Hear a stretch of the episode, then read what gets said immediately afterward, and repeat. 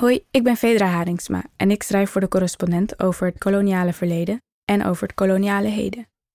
Het verhaal dat ik ga voorlezen gaat over de Samakadaka. Meer dan 100 jaar voordat het koloniale bewind in Suriname de slavernij afschafte, eisten sommige tot slaafgemaakten zelf hun vrijheid op. Een deel van hun nazaten viert dat elk jaar op 19 september tijdens Samakadaka. Met snelle tred loost Suzanne Mabo, leerkracht, voormalig parlementslid in Paramaribo en voor een paar dagen mijn gids, maar door de onverharde straten van haar Surinaamse geboortedorp Balinsula. Het is de vooravond van Kitty Kotti, de viering van de afschaffing van de slavernij op 1 juli 1863. Het dorp bruist. Links en rechts vlechten moeders, broers en zussen het kroeshaar van schoolgaande kinderen ter voorbereiding op de landelijke feestelijkheden. Balinsula ligt langs de benedenloop van de Suriname-rivier in het district Brokopondo. Lang voordat dit district in 1959 door de koloniale overheid werd gecreëerd, was dit al het land van de Samaka, een van de zes Surinaamse Maronstammen.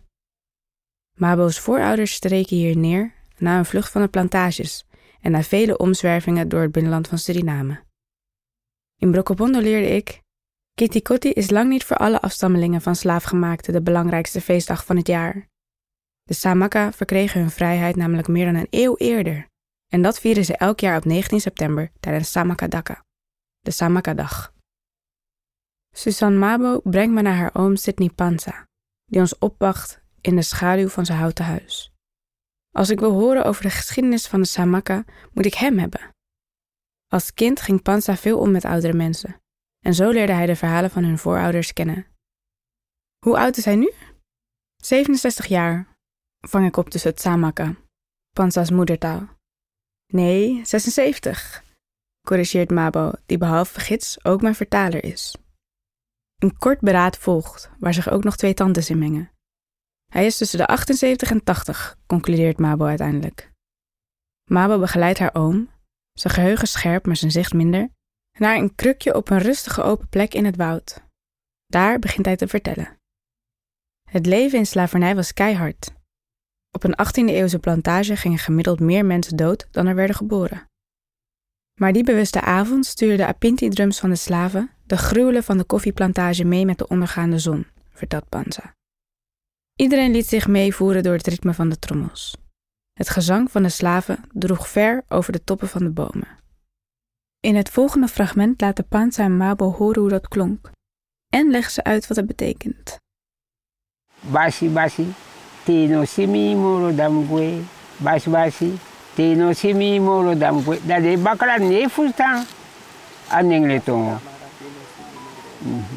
Tijdens, tijdens het feest werd er gedanst, toch? Op de plantages. En terwijl de, de, de meesters, de slavenmeesters zo daar zaten, of in een kamp waren om te kijken hoe fantastisch de Creolen, de negers dansten, dan, werden, dan zongen ze. Maar de bazen verstonden dat niet, toch? De meesters.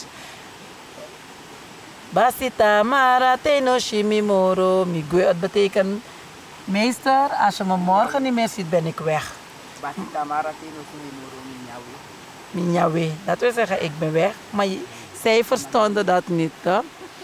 En ze lachten, want ze vonden het plezierig. Die mensen maken feesten.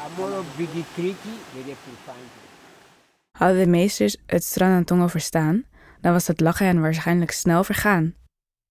Terwijl de rest zich bezighield met het feest, vluchtten de voorouders van Mabo en Pansa in het holst van de nacht diep het Surinaamse oerwoud in. Lang voordat de slavernij in Suriname werd afgeschaft door het koloniale regime, waren er dus mensen die aan de slavernij ontsnapten. En hoe meer mensen uit Brokopondo ik spreek, hoe vaker ik hoor dat hun voorouders hun vrijheid niet van de blanken kregen. Stevast, vertelde Samaka, wij eisten onze vrijheid op dat ging niet zonder slag of stoot, legt Rinaldo Huur mij uit.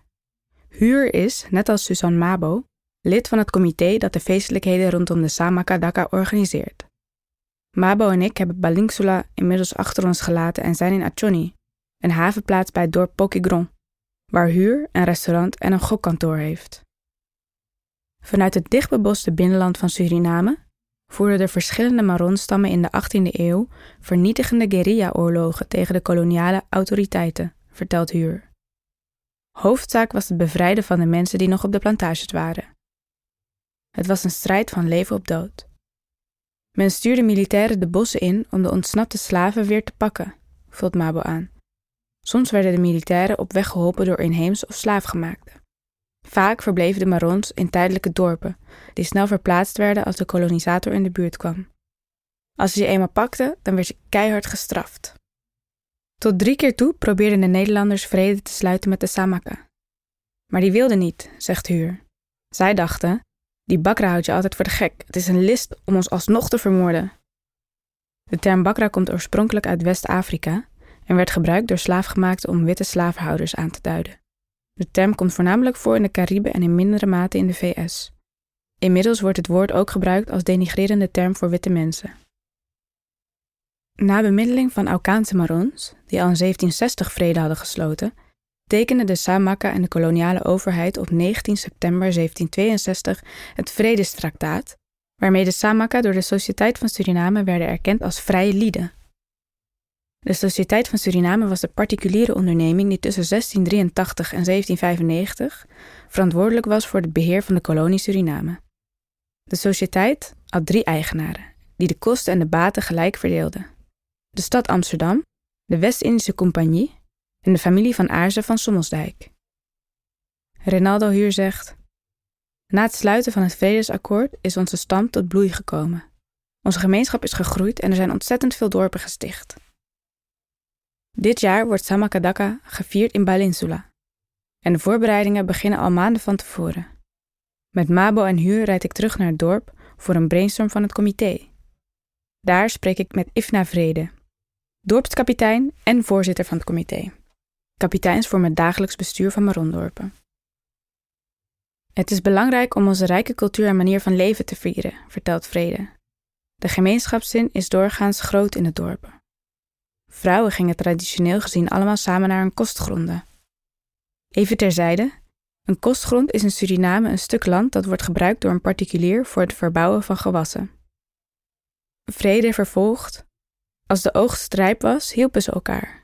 En als er bijvoorbeeld iemand in het dorp was overleden, dan deed de hele gemeenschap mee met de plechtigheid. Vroeger hadden we geen radio of kranten. Als er iets bekendgemaakt moest worden, dan werd het van mond tot mond overgeleverd. Daar komt onze sterke orale traditie vandaan. Die sociale cohesie en traditionele manier van leven staan steeds meer onder druk, vult Huur aan. Tot op de dag van vandaag krijgen Marons te maken met uitsluiting, discriminatie en racisme. Zo worden ze door stedelingen niet zelden met de nek aangekeken vanwege hun donkere huidskleur, accent en traditionele manier van leven.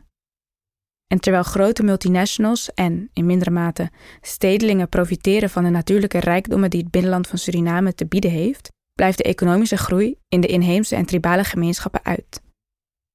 De meeste Marondorpen zijn niet aangesloten op het elektriciteitsnet en in het binnenland is het moeilijk om genoeg geld te verdienen om van te leven. Veel jongeren vertrekken daarom naar Paramaribo en Frans-Guyana om er te studeren en te werken. Dat is nodig om vooruit te komen, zegt Huur.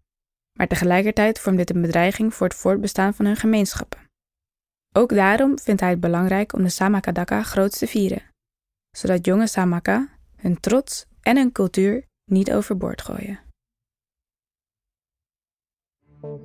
Het is de missie van de correspondent om voorbij de waan van de dag te gaan. Onze correspondenten voorzien het nieuws van context en schrijven over de grote thema's van deze tijd. De correspondent geeft me de vrijheid om mijn nieuwsgierigheid te volgen en de tijd om verhalen te schrijven. En zo probeer ik onzichtbare structuren zichtbaar te maken en een andere kijk te bieden op debatten die het nieuws domineren. Dan gaat het minder over het spelletje en veel meer over wat er op het spel staat.